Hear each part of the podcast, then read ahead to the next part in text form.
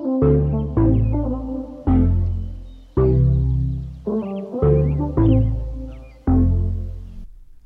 morgon Kulturkriget. Med mig Petter Söderberg. Och mig Nils Sjölin.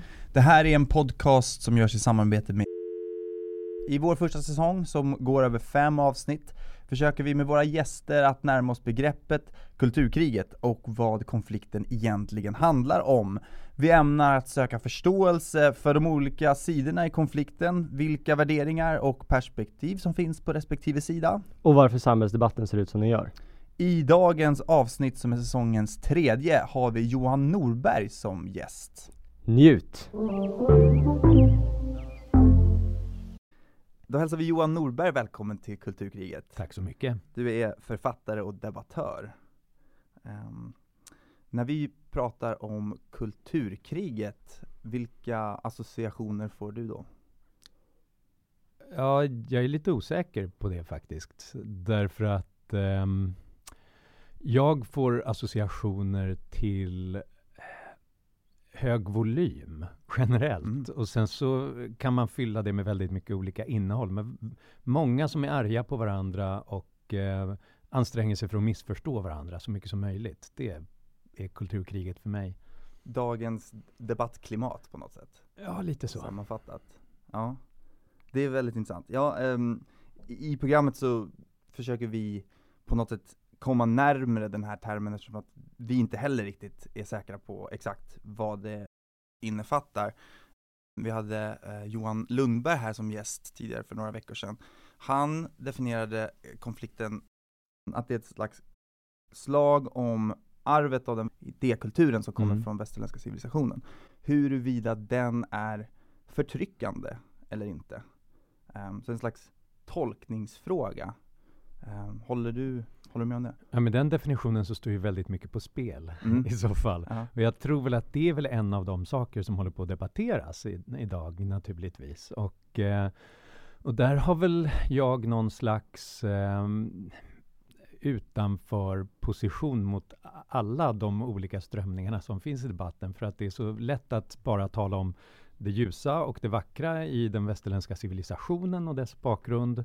Och Eh, det är lätt att också titta på det som har varit förtryckande och det koloniala arvet och den syn på raser och nationer som finns inbyggd där och hur det lever kvar i oss också. Eh, jag har ju en lite annan ingång till detta och det är att jag tror att egentligen alla civilisationer, alla idéer, alla religioner kan tolkas och utövas på ett liberalt, vackert, eh, västerländskt civilisatoriskt vis i dess bästa bemärkelse sätt. Men alla kan också utövas på ett negativt, förtryckande, exploaterande, kolonialt imperialistiskt vis. Både den västerländska civilisationen och andra, alla andra civilisationer också. Så att därför så kanske jag inte känner mig hemma i kriget. Känner du dig angripen av kriget då? Ja, men det nästlar sig in i mitt Twitterflöde, om det är eh, det du menar. Så att eh, naturligtvis, och, och jag kan ju se också hur båda sidor har grova förenklingar och eh, jag kan också se hur båda sidor har viktiga poänger. Så i den meningen så dras man väl med hit och dit. Ja. Men du känner inte att du är, mm, du står inte på barrikaderna så att säga, på någon av sidorna? Nej, utan jag, ja, det här kanske låter arrogant, men jag står lite grann på en bergstopp bredvid och tittar på hur de här två eh, arméerna slår ihjäl varandra. Och fnissa Och lite? det, det, nej, det är oartigt att fnissa åt en sån sak. När Mm. det, som sagt var, det är ganska stora saker som står på spel. Men, men vad jag kan tycka är att, och det här kanske är någon in, något inbyggt, det här kanske är en diagnos eller något också.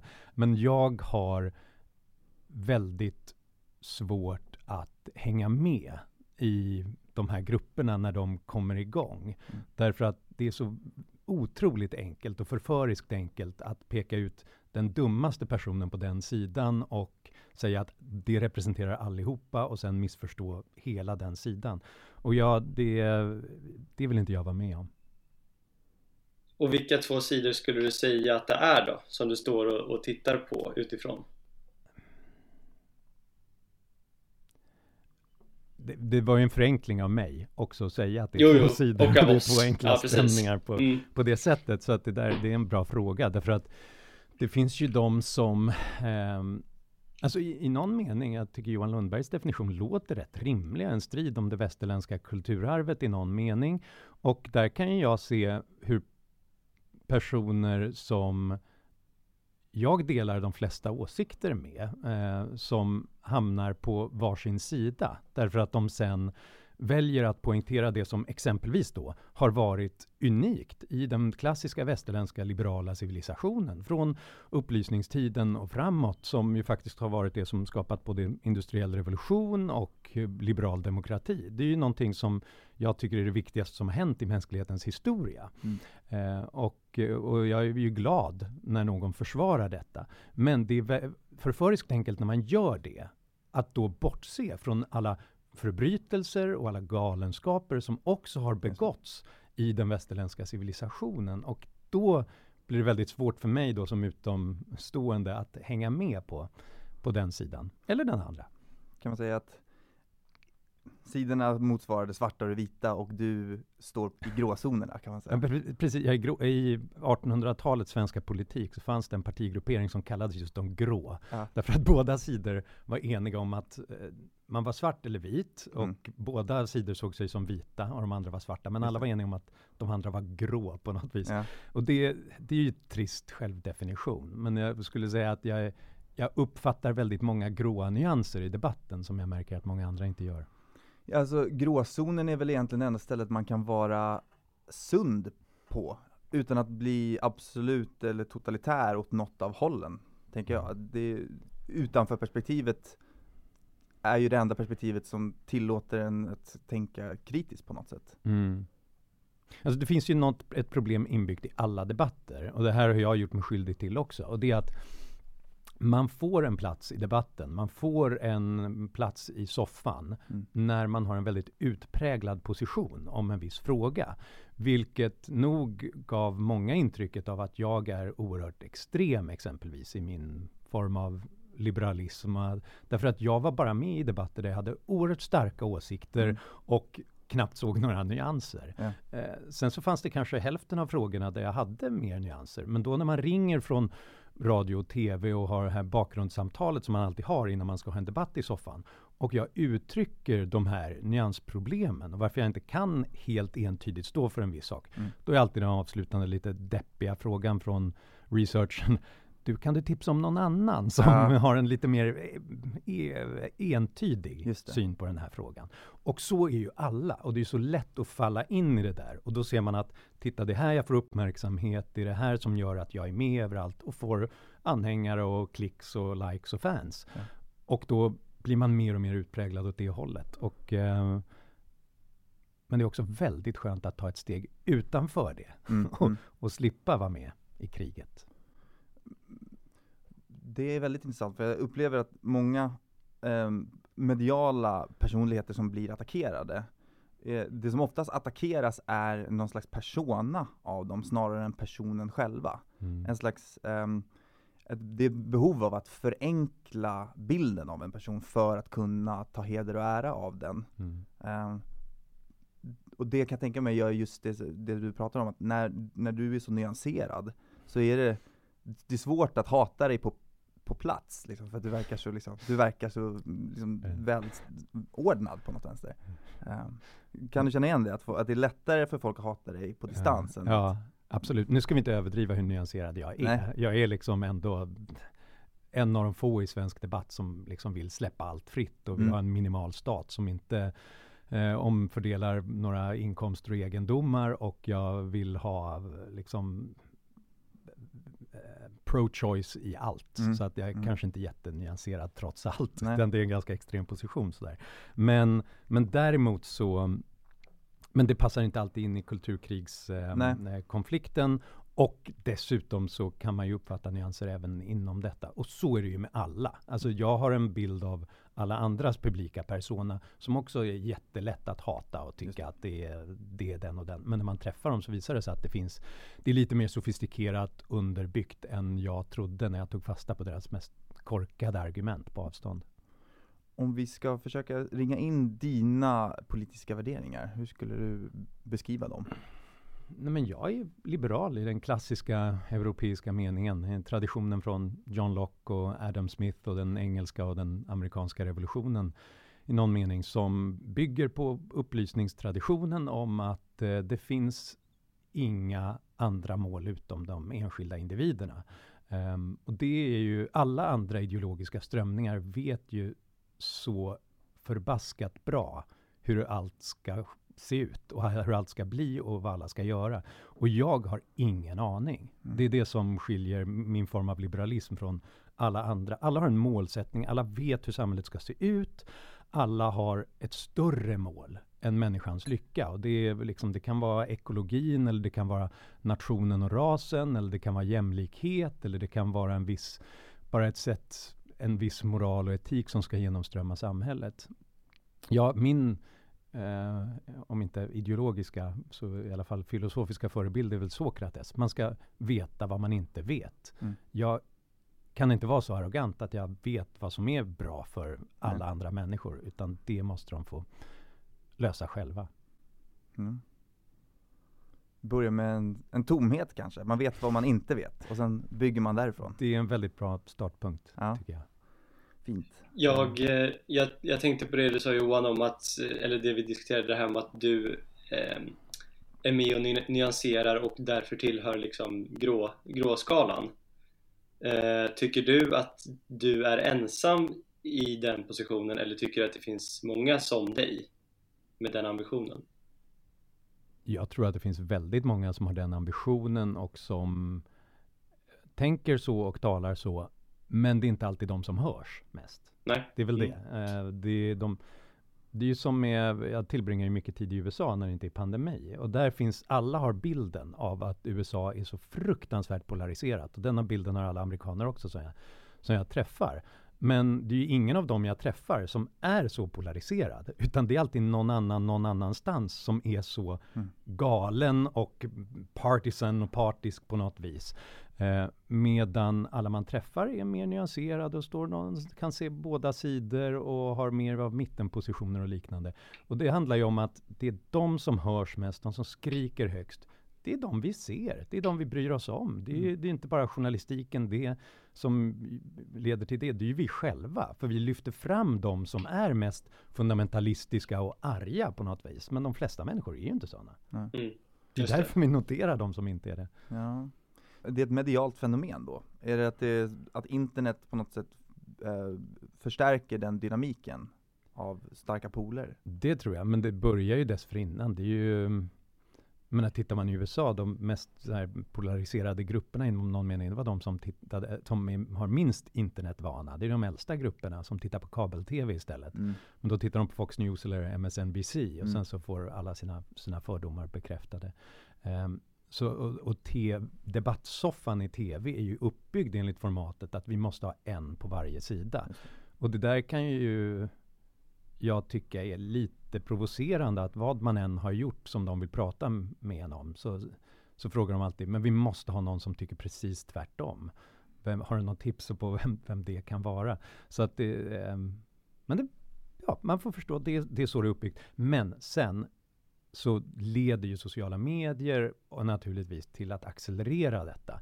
Därför att då ser vi ju alla mm. människor överallt vad de tycker. Och det leder till att plötsligt, jag, jag, brukar fråga folk, hur stor del av ditt liv ägnar du egentligen åt att vara arg på en människa som du inte visste existerade för fem minuter sedan? Mm. Och det visar sig att det är ganska mycket tid man ägnar åt detta. Därför att då är det någon kompis som har skickat vidare, titta vad den här ungdomsförbundaren som du aldrig hört talas om i en stad som du aldrig har besökt tycker för groteska saker. Ja. Och så går man där, åh det är typiskt, alla de där, de där vänstertyperna eller högernissarna, de är precis så där. Mm. Eller så är det någon fransk författare som du aldrig hört talas om som säger något groteskt och så är det så här, åh vad hemsk världen har blivit, det, människor är galna. Men nej, människor var alltid galna, det är ja. bara det att de passerade aldrig ditt synfält nej. tidigare. Nej. Och det är så pass många nu också att vi, det är mycket, mycket svårare att sålla bland galningarna. att det blir en slags overload av galningar och så tänker man att nu är bara galningar överallt. Liksom. Exakt, och precis, och det är bara galningar. Ja. Därför att du ägnar inte särskilt mycket tid åt att eh, lyssna på och titta på de som sitter och ägnar sig åt släktforskning i Åmål eller som ägnar sig åt att utforska hur ska man kunna göra vatten och avloppssystemen lite bättre i Skövde. Nej. Därför att du bryr dig inte, du orkar inte bry dig. Och det är väl liksom naturens sätt att säga åt oss, vi har inte obegränsad uppmärksamhet. Så sånt som bara tuffar på och är lite sådär, ja det verkar funka rätt okej. Bry dig inte om det. Mm. Men om någonting är kaotiskt eller farligt, då måste du ägna din uppmärksamhet åt det. Och du tror att den där franske författaren eller den där SSU-aren i Falun Mm. är liksom ett farligt hot. För det, Ja. det triggar ditt, din puls och blodtrycket. Just det.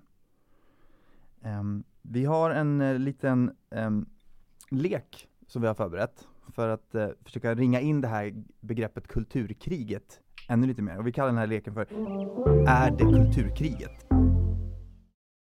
Eh, så vi kommer föreslå olika samtidsfenomen eh, med den enkla frågan Är det kulturkriget? Så får du svara ja och nej. Vilken gissar att vi kör varannan här kanske blir lättast va? Ja, det kan vi göra.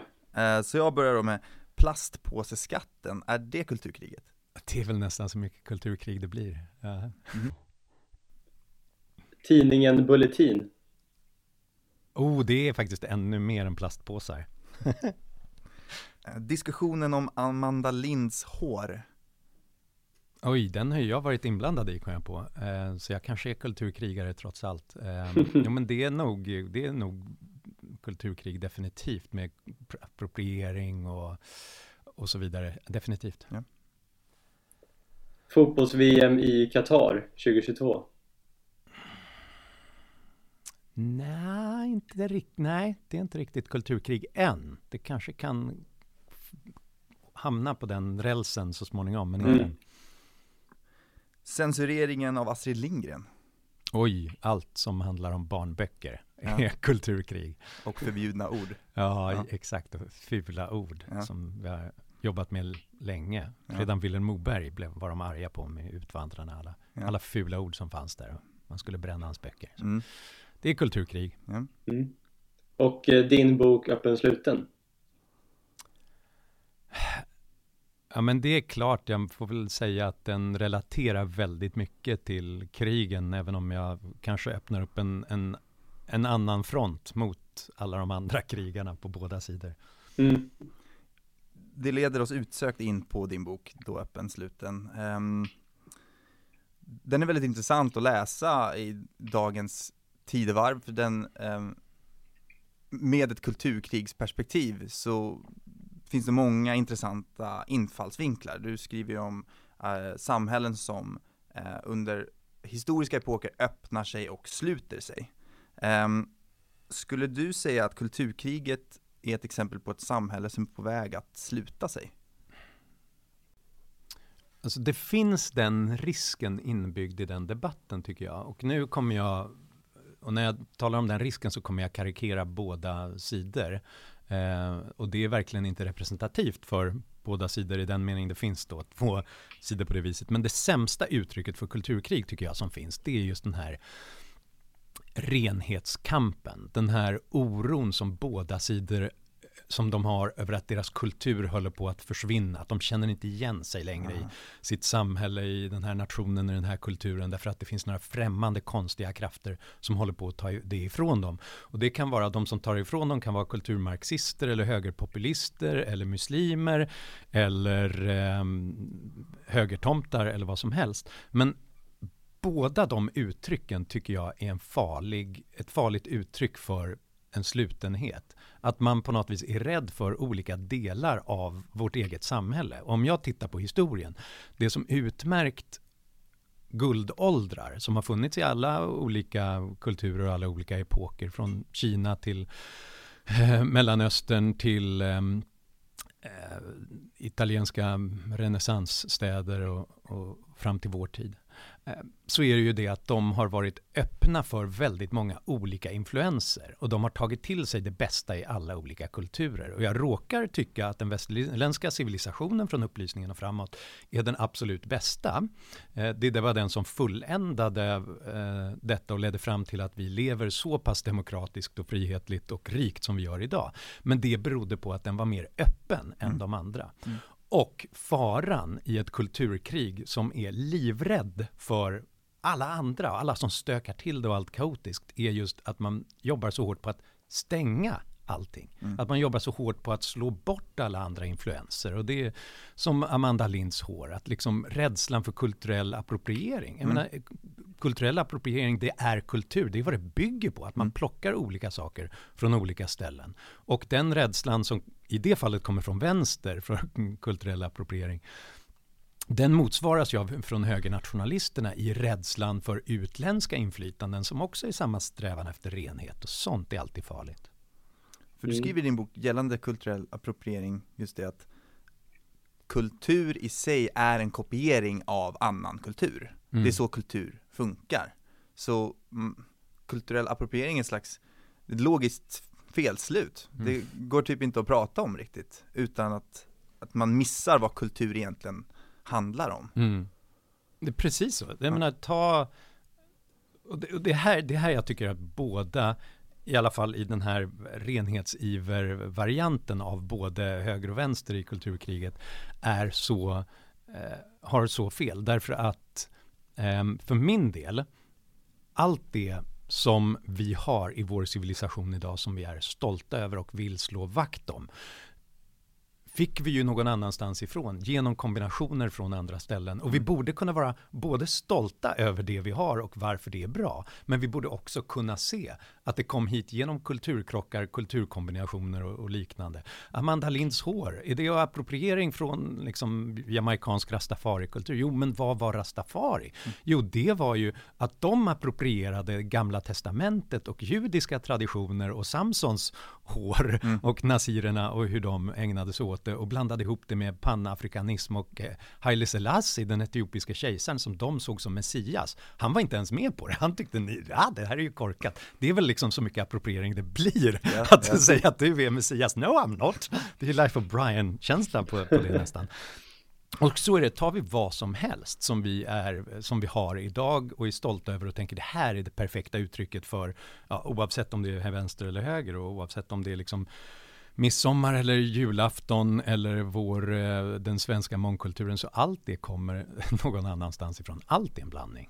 Mm. Men så också ja. Kör sen. Eh, nej men för då kulturell appropriering är väl då i själva verket kulturell kopiering och, och det du gör är att du liksom inte värderar det så negativt som, som eh, de eh, som förespråkar då kulturell appropriering som, som term och jag tänker kulturell kopiering är ju liksom en del av mänsklig natur och du pratar ju en del om det och om hur, hur ehm, hjärnan, den mänskliga hjärnan är anpassad för att samarbeta men inom sin grupp. Och du pratar ganska mycket om då de psykologiska aspekterna av just öppenhet. Ehm, hur då skiljer man då på vad som är alltså då samarbete inom grupp och utanför grupp? Eh, det, är ju, det är ju två termer, ingrupp och utgrupp du använder. Skulle du vilja lägga ut texten lite om de två orden? Yes. Nej men det, det här är ju det som gör oss människor så otroligt komplexa. Och vad jag försöker uttrycka i boken är eh, byggt på den kognitiv psykologi, evolutionsbiologi och, och psykologi. Eh, och vad man har hittat där så har vi en dubbelnatur. Vi är, det som har gjort att mänskligheten har kommit så här långt, det är ju vår samarbetsförmåga. Vi, har liksom, vi är ganska dåliga djur. Vi är inte jättesnabba och vi, vi är inte jättestarka och inga imponerande käkar och vi kan inte ens flyga. Liksom. Vad är, hur kom det sig att vi tog över planeten? Jo, det var därför att vi hade något annat och det var att vi hade varandra eh, och, och i meningen, och inte eh, i, i i klyschmeningen om hur gosiga och mysiga vi är, utan att vi insåg, eller våra förfäder för tre miljoner år sedan, insåg att det var fruktansvärt att springa runt på den östafrikanska savannen och bli uppätna av massa kattdjur hela tiden. Och de desperat värjde sig och så var det några som kom på att om de värjde sig samtidigt och började kasta stenar samtidigt mot de här djuren, ja då kunde de hugga ner dem med vassa stenar på nolltid.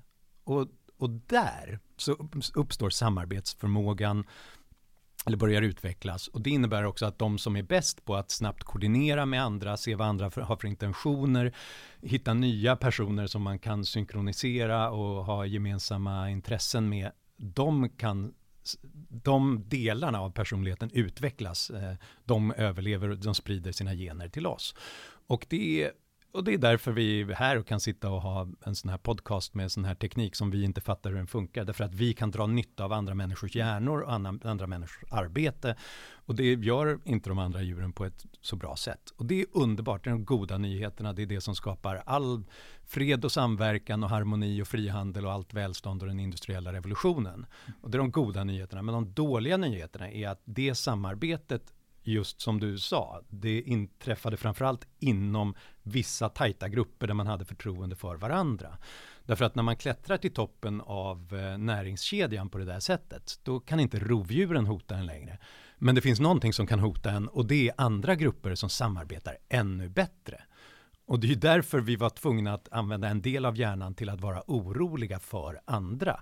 Därför att, ja, vi har inte alltid levt på det här viset, eh, mesta delen av mänsklighetens liv var, och våra förfäders liv var trots allt på gränsen till omedelbar undergång.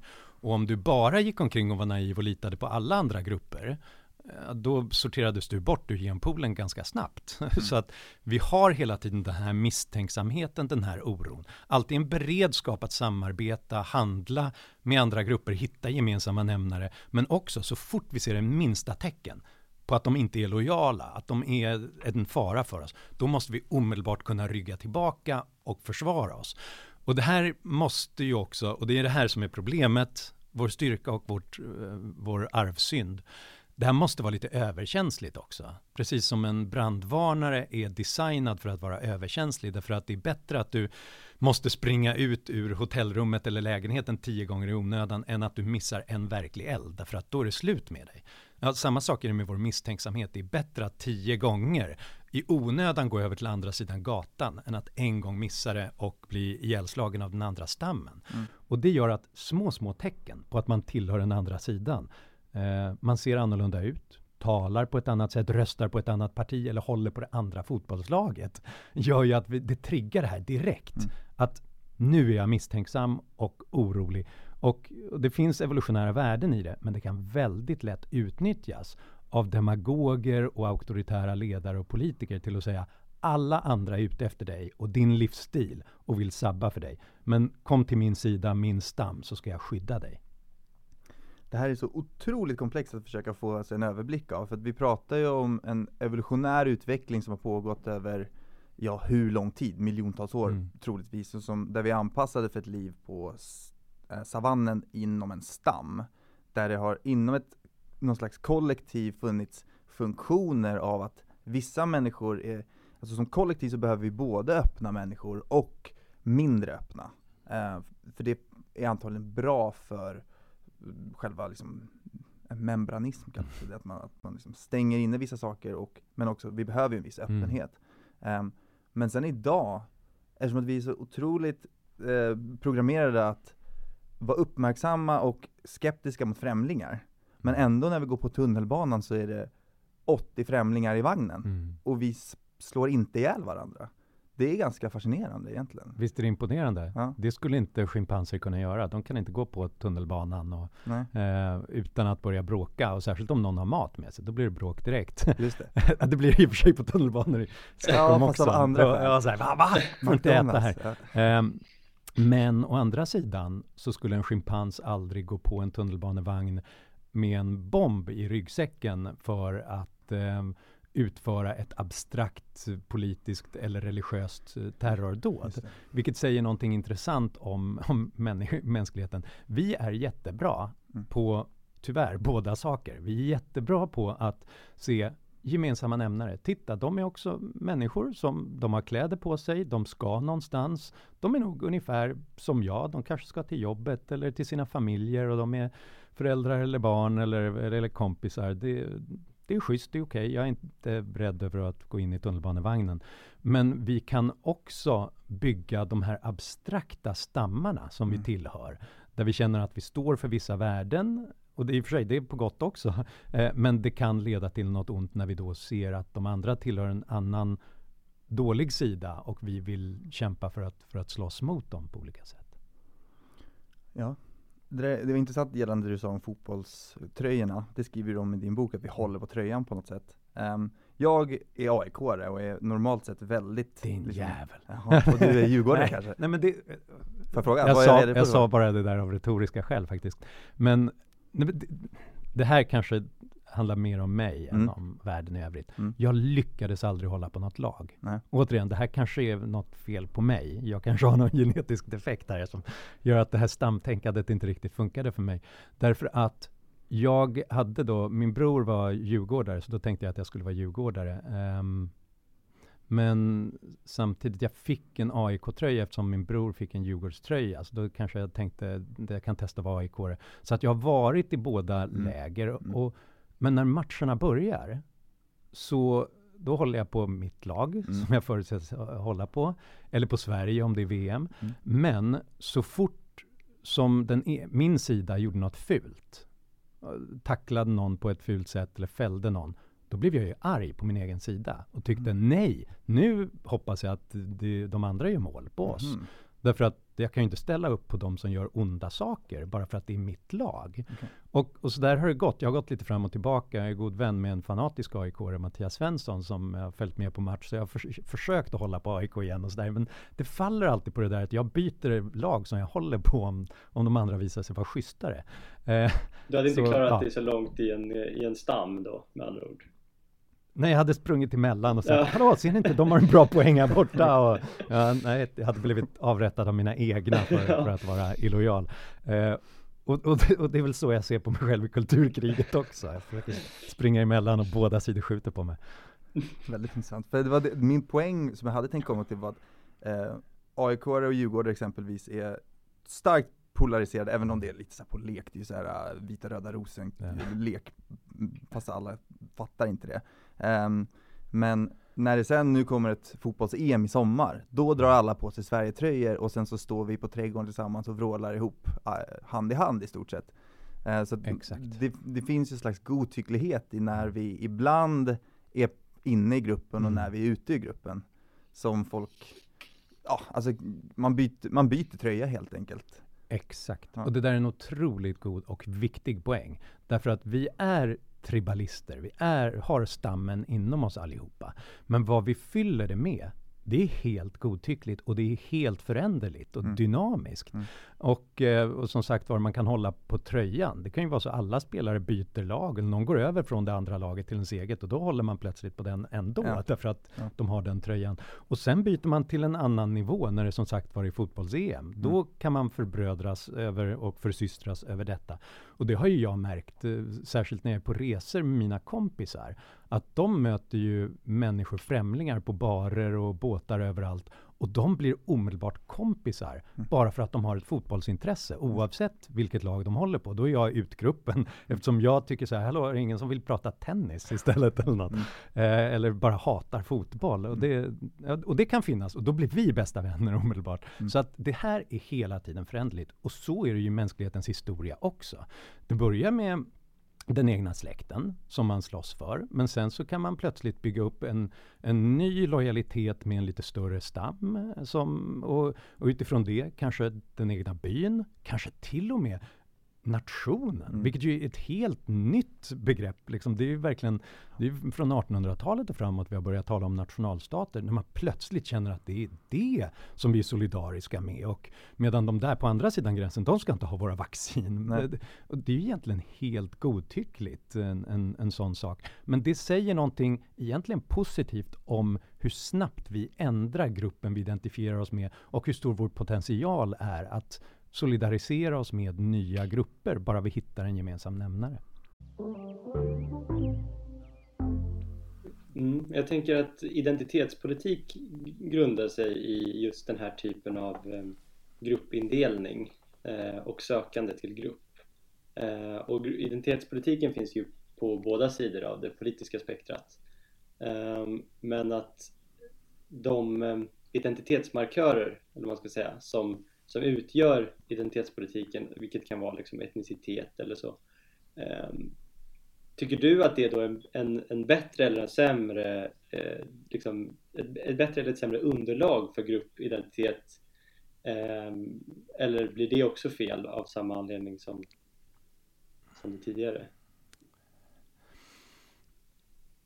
Jag tycker det är svårt att värdera i termer av bättre och sämre, men jag, jag kan väl säga så att jag, jag föredrar ju att vi lyfter tribalismen till väldigt abstrakta gemenskaper framför de väldigt enkla. Eh, mm.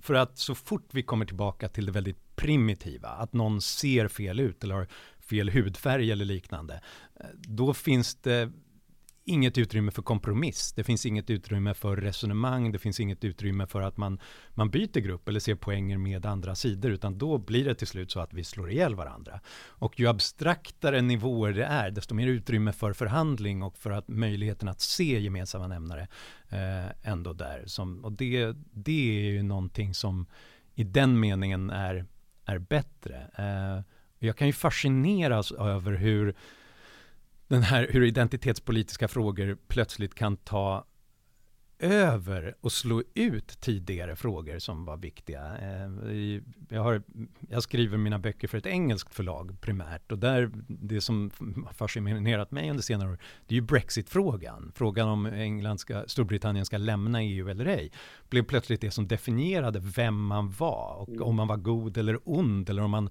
hatade sitt folk eller inte på, på båda sidor. Och och det är jättekonstigt för det är en ny fråga. Det var ingen som brydde sig om EU nästan i, i Storbritannien. Förutom en liten klick inom Torypartiet fram till 2015-2016. Medan då när jag skrev den här boken så var det så nästan var det 90% som definierade sig primärt som att de var brexiteers eller, eller inte. Mm. Det var den, mest vikt, den viktigaste politiska definitionen för dem. Och det var alltså 16 procentenheter fler än som överhuvudtaget brydde sig om att rösta om det i folkomröstningen. Mm. Och det visar ju hur vi har massor, vi innehåller ju multitudes av allting, olika tänkbara potentiala identiteter. Men det är bara vissa av dem som plockas upp politiskt och blir en del av ett kulturkrig. Mm. Och då kommer vi plötsligt börja definiera oss utifrån det och läsa in mycket mer i det än som faktiskt finns där. När du pratar om abstrakt gemenskap, är det religion du syftar på? Eh, religion eller, eller politik för den delen och vilket parti man råkar rösta på eller eh, hur man ser på sig själv där. Det är ju alla rätt så abstrakta gemenskaper. För där ligger ju en del av kaoset idag, att så här, du pratade tidigare om att här, en av de huvudorsakerna till att vi lärde oss att samarbeta på stammen för väldigt länge sedan var för att kunna slå ut potentiella hot i form av rovdjur, att om man lärde sig kasta en sten exempelvis. Mm. Eh, termen synd kommer ju från att missa målet eh, i ett slags eh, bow arrow shooting sammanhang. Um, så religion och jakt har antagligen ett, en stark sammankoppling på det sättet. Uh, och jakt är grunden för vårt samarbete på många sätt. Att försvara och mm. kunna skaffa mat. Um, och sen så nu idag så, så har vi ett samhälle som tror sig ha liksom jobbat bort Gud ur bilden och tror sig vara så kallat ateistiskt.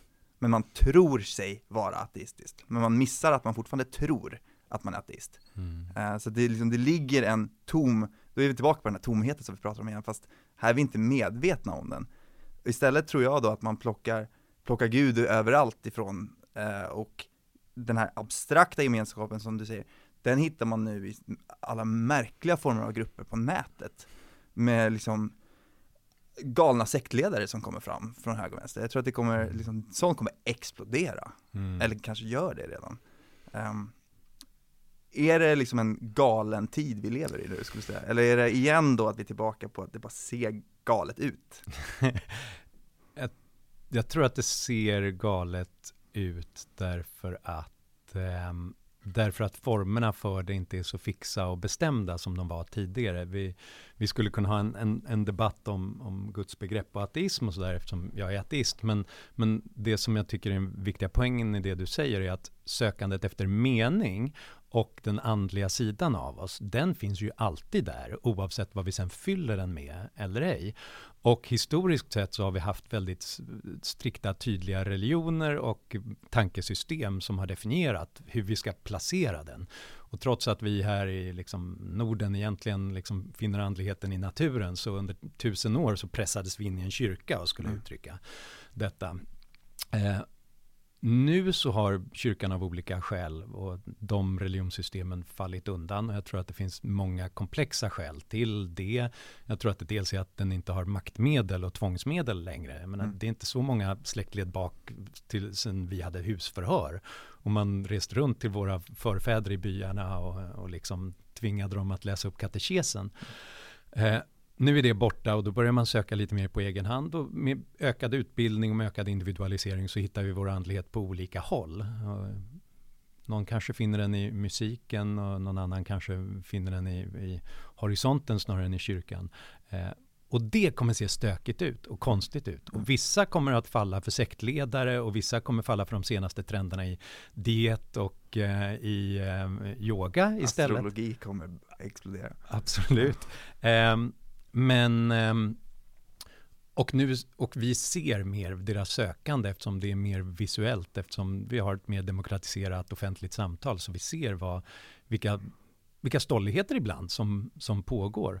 Och, eh, och det, jag tror inte att det är nytt på något sätt, utan jo, det finns en sak som är ny med det. Och det är att vi befinner oss i en period där många gamla institutioner som man har trott på eller som har kanaliserat vårt engagemang. Och det är både kyrkan och det är socialdemokratin och det är vår tro på myndigheter, eh, vår tro på vissa centrala massmedier och liknande. Alla de har drabbats av olika typer av förtroendekriser. Eh, både för att de har förlorat i maktmedel men också för att vi har förändrats som befolkning och vi har vuxit upp och vuxit isär lite grann. Och då blir det en väldigt sökande formativ period innan vi ersätter det med något nytt. Och vi kanske aldrig ersätter det med något nytt som omfattar alla. Och det kommer se väldigt stökigt och kaotiskt ut. Men eh, det var stökigt och kaotiskt tidigare också. Det var bara det att någon stod där och pekade vart, var all vår stökighet och kaotis, kaos skulle pressas in i för former. Mm. Det var rätt plågsamt det med. Ja, precis. Nu är det slags kreativt kaos istället. Ja, vi får hoppas att ja. det är kreativt. Ja. ja. Just det, för det har med öppenheten att göra. Kreativitet mm. ligger i öppenheten, slutenheten är mer destruktivitet. Eller, ligger något i det? Ja, eh, nu, det är så värdeladdat med kreativt och destruktivt att använda de begreppen. Eh, jag skulle inte Jo, jag, skulle, jag, eftersom jag gillar öppenhet, skulle jag gärna använda de begreppen. Men jag tror att det enklare sättet att i alla fall förstå hur jag tänker är att eh, slutenheten är ensidig. Det bygger på en viss idé, en viss design, en viss plan och därför är den alltid uppbyggd ovanifrån. Mm. Den kommer alltid från riksdagen eller regeringen eller myndigheten från, eller från kyrkan eller från ett tankesystem som blockerar andra. Och det är därför, för att den gör det, och ibland kan det vara goda poänger, det kanske är den bästa idén som de har använt som de försöker pressa på alla. Men men det bästa sättet att förstöra alla fortsatta framsteg är ju att ta ens bästa kunskap idag och tvinga den på alla människor. För det blockerar just det som jag tycker är det kreativa med öppenhet att vi vet inte vad som är, jag menar det bästa idén har inte uttryckts än. Det bästa skämtet har inte uh, uttryckts än. Den, den bästa affärsmodellen, det bästa sättet att bota sjukdomar har inte uppfunnits. Det bygger på att miljontals människor experimenterar på olika ställen mm. med trial and error och misslyckas och får feedback och gör om igen och kombinerar med andra grejer. Och det är en process som ser mycket mer kaotisk ut än en som peka med hela handen från centrum. Men, men det är bara därifrån vi kan få bygga in mer kunskap och mer fantasi i, i världens utveckling. just apropå det här med eh, kulturkriget så diskuterar du också ah, den auktoritära personlighetstypen. Eh, och du beskriver det, och jag vet om du citerar Jonathan Haidt i det att det är som att en knapp i pannan där människan under stress eh, slår, på, slår, alltså slår på vakt eller, eller söker sig till, till eh, auktoriteter. Skulle du vilja beskriva det lite? Jo, jag bygger det på dels Jonathan Haidt och mycket eh, på Karen Stenner, politisk psykolog som har skrivit om det och byggt väldigt mycket på stora undersökningar av människors attityder och särskilt hur de förändras när de får vissa, när de triggas på olika sätt med vissa nyhetsartiklar, många av dem fingerade då. Eh, så är det när människor upplever vissa typer av hot och särskilt känslan av eh, hot mot samhällsenheten och känslan av att samhället går sönder på olika vis, då trycks den här knappen i pannan. Och det intressanta med det här resonemanget eh, är att det har ju forskats väldigt mycket om auktoritär personlighetstyp, och, men då har man, efter, särskilt efter andra världskriget, tänkt att det är vissa personer är liksom auktoritära till sin läggning, de vill att barn ska veta hut och de vill ha en stark man som kontrollerar och det ska vara enhet i traditioner och moral. Och, och så. Eh, det är, inte riktigt så enligt Stenner och Haidt, utan det är snarare tvärtom en predisposition, en böjelse som finns inom väldigt många av oss eh, och som inte alls uttrycks till vardags. När man går på tunnelbanevagnen och livet är som vanligt och ekonomin tuffar på och politikerna bråkar om eh, hur man ska lägga vatten och avlopp i Skövde, då är man precis som vanligt. Men när man triggas av antingen då nyhetsartiklar eller en reell känsla av att, att samhället håller på att gå sönder. Då finns det en grupp, ganska stor grupp av människor som då triggas igång med den här knappen i pannan. Och eh, Stenner och Haidt kallar det auktoritär personlighet. Det är lite för laddat begrepp tycker jag. Det vore bättre mm. om de hade något annat. Utan vad det handlar om det är en, en slags kollektivism, en slags jakt på enighet och enighet i samhället. Som då bland annat yttrar sig i att man vill ha, man vill ha starkare politiska ledare eh, som entydigt visar var skåpet ska stå. Man vill ha enighet i befolkningen. Man ogillar minoriteter och invandrare i högre utsträckning, men också dissidenter, folk som tycker olika saker. Man blir mer känslig för en uppsplittring av åsikter om vad som är rätt och fel och bra och dåligt och olika identiteter som utvecklas åt olika håll. Och man är även beredd då i den här gruppen som finns då både till höger och till vänster enligt Sterners undersökningar är även beredda att säga att sånt som rättssäkerhet och yttrandefrihet det är vi beredda att sätta strunta i utan det viktiga är att staten trycker fram den här enheten. Och, och, det, jag ser det som någon slags här samhällelig variant på fight or flight instinkten. På samma vis som vi instinktivt när ett lejon backar in oss i ett hörn så ska man, vi vill slåss eller vi vill springa och gömma oss eller spela död. På samma vis gör vi det som samhälle vi känner oss hotade och det kan vara ekonomiskt kaos eller pandemi eller migrationskris eller terrorism eller som jag tror är ännu mer viktigt långsiktigt, bara den här känslan att västvärlden geopolitiskt har förlorat relativt sett. Andra delar av världen träder fram. Man, man får en känsla av bristande kulturellt självförtroende.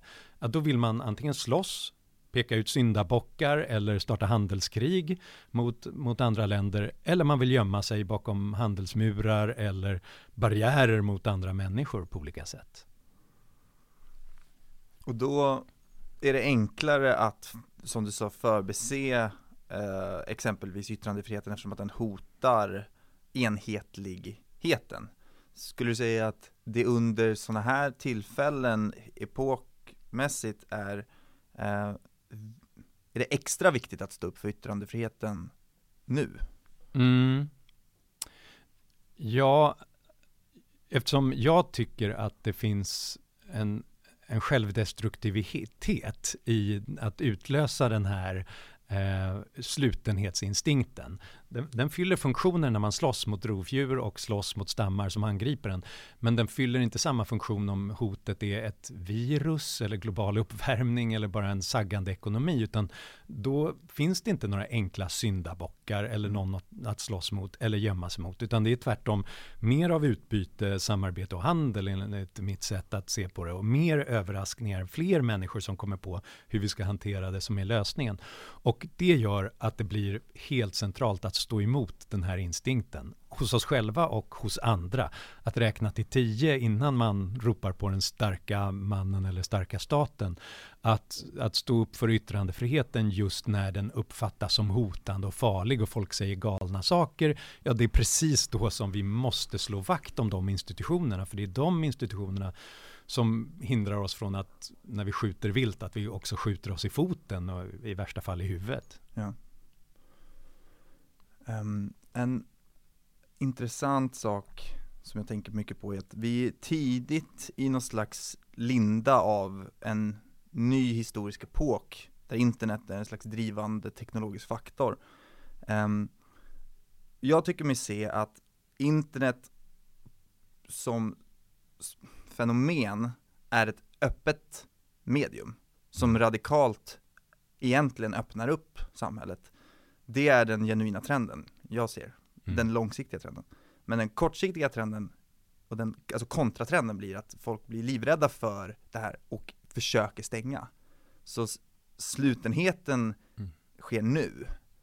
Men öppenheten, om vi tittar kanske över 100, 200, 300 år, så enda sättet att kooperera med internet är ju att vara öppen. Mm. Det går ju inte att leva på ett stängt internet. Jag ser inte hur man ska göra det. Nej. Långsiktigt.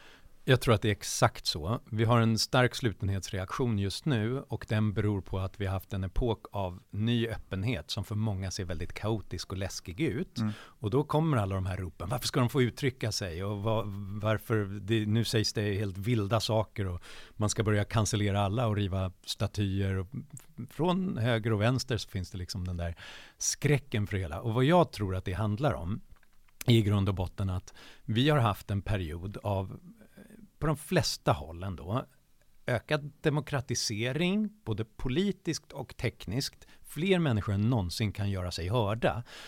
Och fler människor än någonsin kan hitta likasinnade och utveckla sin egen personlighet och sin egen identitet. Och det är en, fan, en fantastisk landvinning. Mm.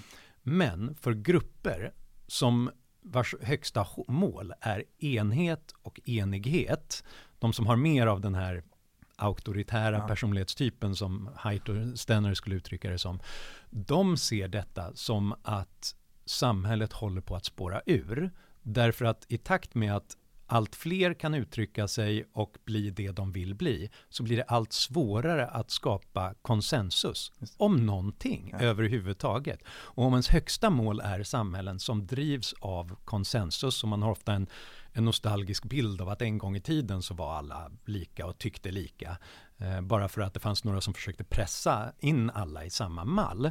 Därför att på den tiden så fanns det inga som inte var sossar och det fanns inga bögar liksom. För att det, som, man, som fortfarande liksom Irans eh, despoter kan tycka att deras samhällen är, är enhetliga. Så det, det, finns den där nostalgiska drömmen om att det finns något sånt som vi borde komma tillbaka till. Och för dem blir ju internet och alla sätt som nya grupper kan uttrycka sig på, det blir ju ett hot som man måste stoppa på ett eller annat sätt.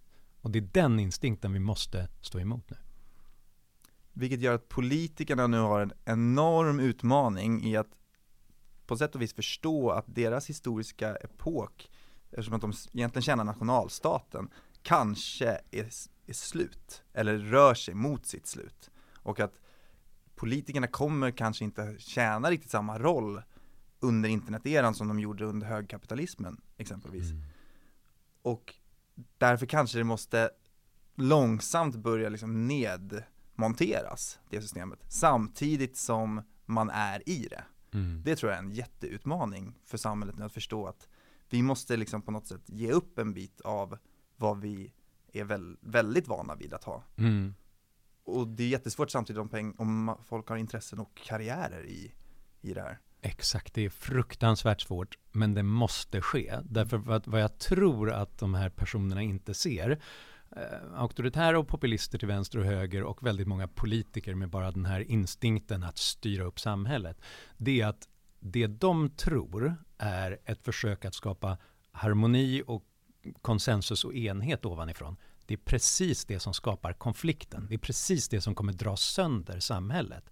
Därför att det är det som gör att allting står på spel. Därför att då är det ju bara en grupps åsikter som kommer diktera vad som gäller för alla andra. Och det är därför det känns som en sån existentiell strid för alla grupper. För om inte vi får makten, då kommer de få makten. Och därför måste vi slåss mot alla andra. Det finns ett alternativ. Och det är ju ett lev och låt leva Eh, samhälle där olika grupper faktiskt kan få tycka olika saker och se lite olika ut och göra på lite olika sätt utan att tvinga på andra sitt, eh, sitt perspektiv. Så de måste släppa efter lite på den makten för att vi inte ska slå sönder och skapa kaos i, i det här samhället. Och, och det som är intressant tycker jag när man ser på dagens politik det är att alla våra institutioner förändras fruktansvärt snabbt. Titta på hur våra företag ser ut idag och hur man internt eh, hanterar olika viljor och idéer jämfört hur man gjorde på 50 och 60-talet, eh, hur medierna som växer fram nu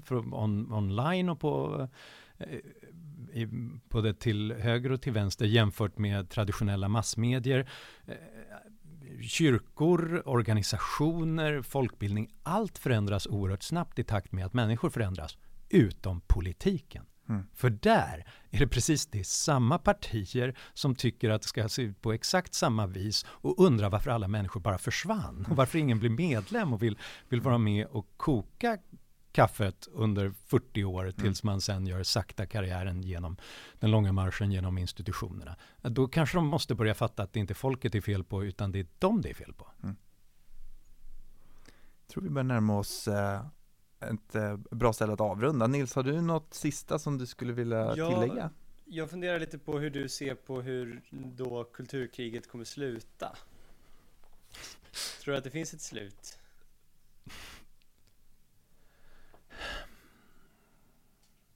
Alltså jag, jag ska inte ut, jag är optimist på något vis.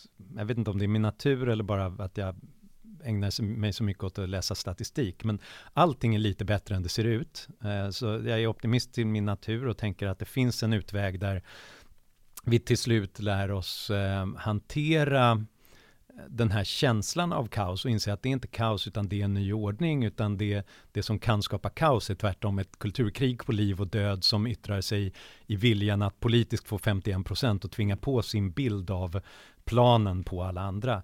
Eh, att man trots allt inser, men stopp ett tag. Det här faktumet att eh, menar, vi har insett det i, eh, på så många andra håll. Alla måste inte läsa samma böcker eller gå i samma skolor, utan man kan ha en mångfald, låta lite fler blommor blomma. Eh, det, det skulle kunna hända. Men trots denna optimism, man ska inte utesluta risken att det spårar ur. Mm. Eh, och att eh, vi som ett resultat av olika typer av samhälleliga kriser och pandemin hade kunnat bli en sån om det hade velat sig illa. Att mer auktoritära grupper utnyttjar detta som ett sätt att säga att nej men ni ser, frihet, öppenhet funkar inte. Någon måste ta kontroll på allvar. Eh, och särskilt om, det, det skulle kunna hända, särskilt om någon av sidorna i eller ens någon del av sidorna i kulturkriget spårar ur fullständigt och känner eftersom det är på liv och död, ja men då måste ju vi beväpna oss. Mm. Jag menar, vi var ganska nära detta i, i Trumps USA mm. vid stormningen av, av Kapitolium. Mm. Ja, det är precis det som triggar den andra sidan till. Då måste vi försvara oss och då har vi kaoset på gatorna och det brukar tyvärr inte sluta sig med att man, man slår sig ner och samtalar och hittar gemensamma nämnare och, och kompromissar, utan det slutar med att då måste någon stark man återskapa ordningen. Och sånt kan inträffa därför att eh, av historien lär vi oss två saker. Det var fruktansvärt förr och därför ska vi vara optimister därför att vi har lyckats skapa en så pass mycket bättre värld än det var i de flesta andra epoker.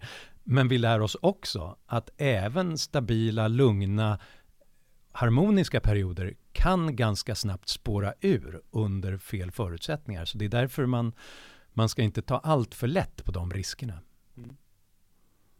Tack Johan Norberg för att du kom till Kulturkriget. Tack för att jag fick vara med. Tack till dig som lyssnat på Kulturkriget. Gillar du det vi gör, följ oss gärna på Instagram, at kulturkriget, eller skit i det, vad fan spelar det för roll?